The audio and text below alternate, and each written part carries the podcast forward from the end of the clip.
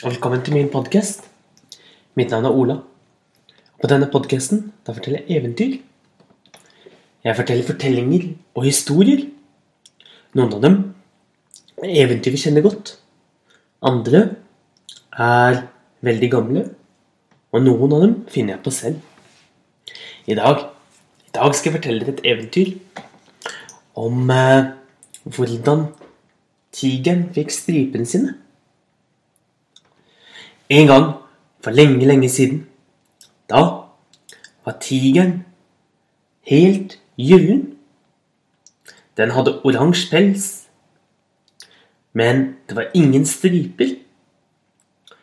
Så pelsen var helt skinnende fin oransje.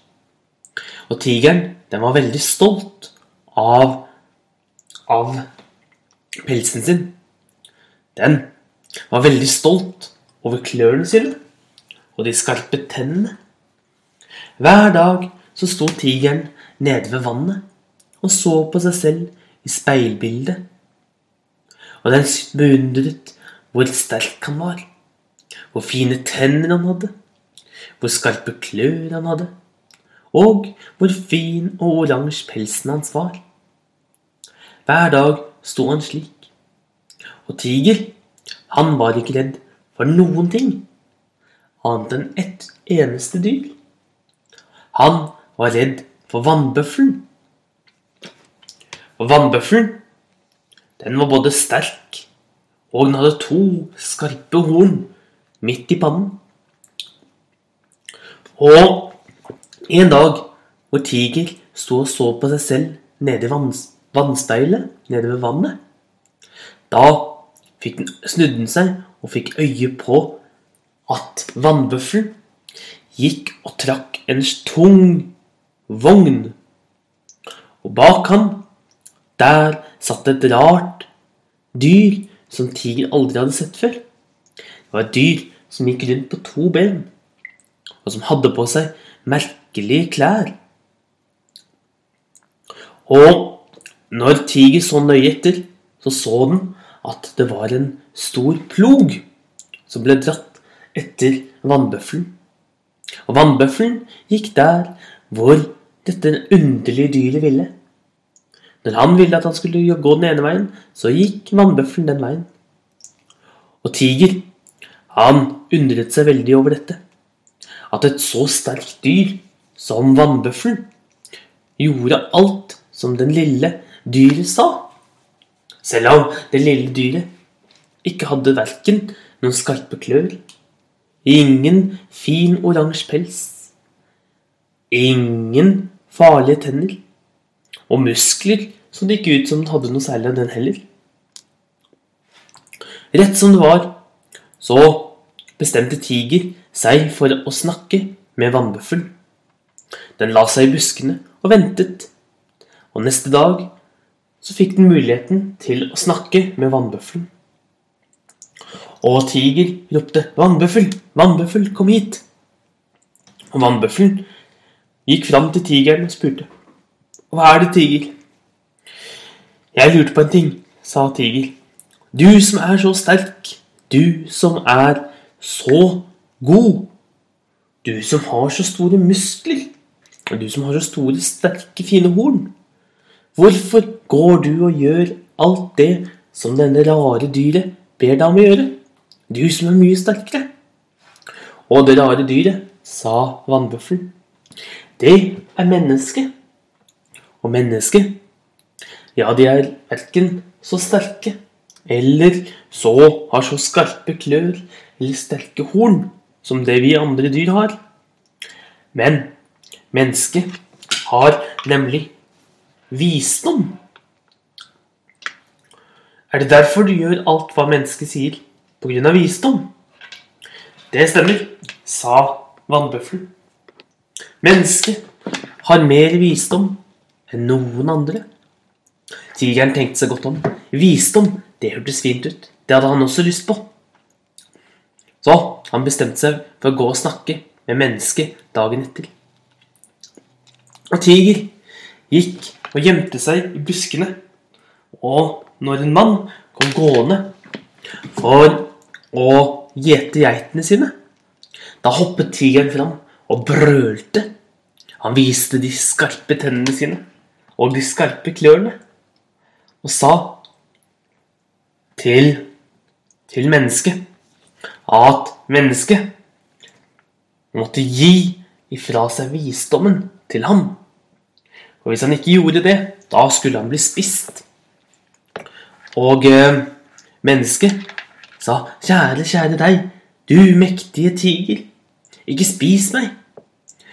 Jeg, jeg skal hjelpe deg med å få tak i visdom. Men visdom er ikke noe man kan gi bort, sa mennesket. Ikke prøv deg, sa tiger. Jeg vet at det er noe du kan gi bort. Hvis ikke du gir meg det nå, så spiser jeg det opp. Nei, nei, nei, ikke gjør det, sa mennesket. Ok, jeg skal gå hjem og hente visdom til deg. Dra, sa Tiger. Jeg skal stå her og vente. Men kjære deg, kjære mektige Tiger, sa mennesket. Jeg tør ikke det. Hvis jeg lar deg stå her alene med geitene mine, da kommer du til å spise dem opp, alle sammen. Nei, sa Tiger. Jeg har akkurat spist. Jeg skal ikke spise noen av dine geiter. Jeg, jeg, jeg er så redd, sa mennesket. Jeg tror du kommer til å spise på alle geitene mine for det. Da, hvis du bare hadde latt meg få lov til å binde et tau rundt dette treet og den andre enden så vidt ytterst i haletippen din Jeg kommer ikke til å binde hele deg, bare aller ytterst i haletippen. Bare sånn at du ikke du når bort til geitene mine. Kunne jeg fått gjort det, da hadde jeg følt meg mye tryggere. Så kan jeg gå hjem og hente visdom til deg. Um, ja, det er greit, sa Tiger, men bare på haletippen. Tusen takk, sa mennesket. Bandt et tau rundt tuppen på halen på Tiger, og det andre fast i et tre.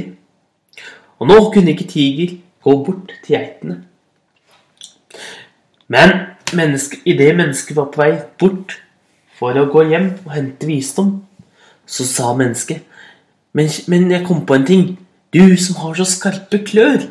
Du mektige tiger. Du kan jo bare klore over tauet, og da vil det ryke.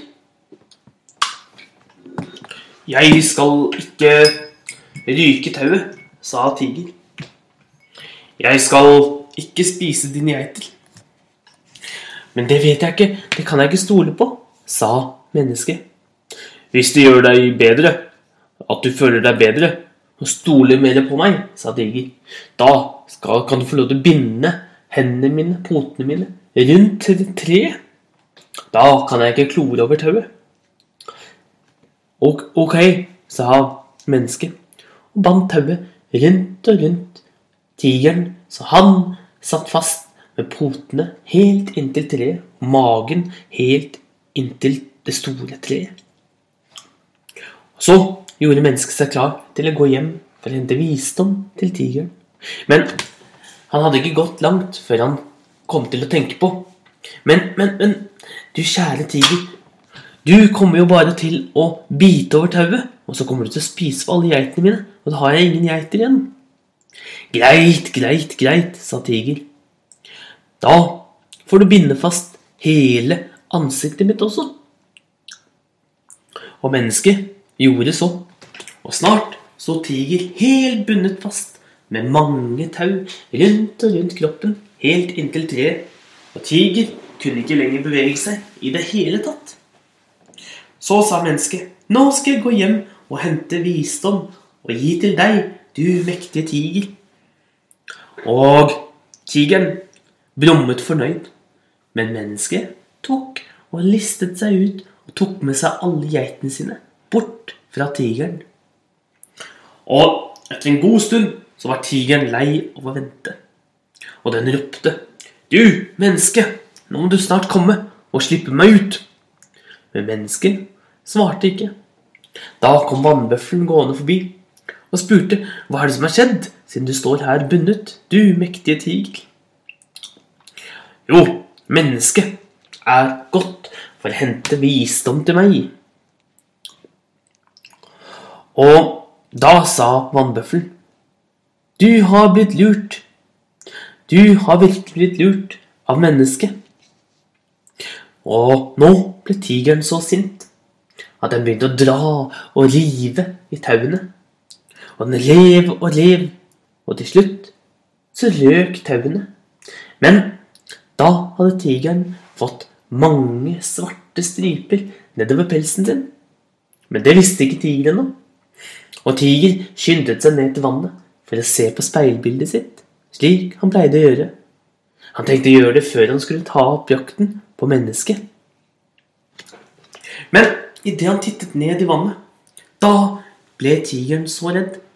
Han så at den fine, gylne pelsen hans, den hadde plutselig blitt dekket av lange, svarte striper. Og Tiger ble så, så flau. Og så kom alle de andre dyrene fram. De alle sammen pekte på tigerstripene og snakket med hverandre om det.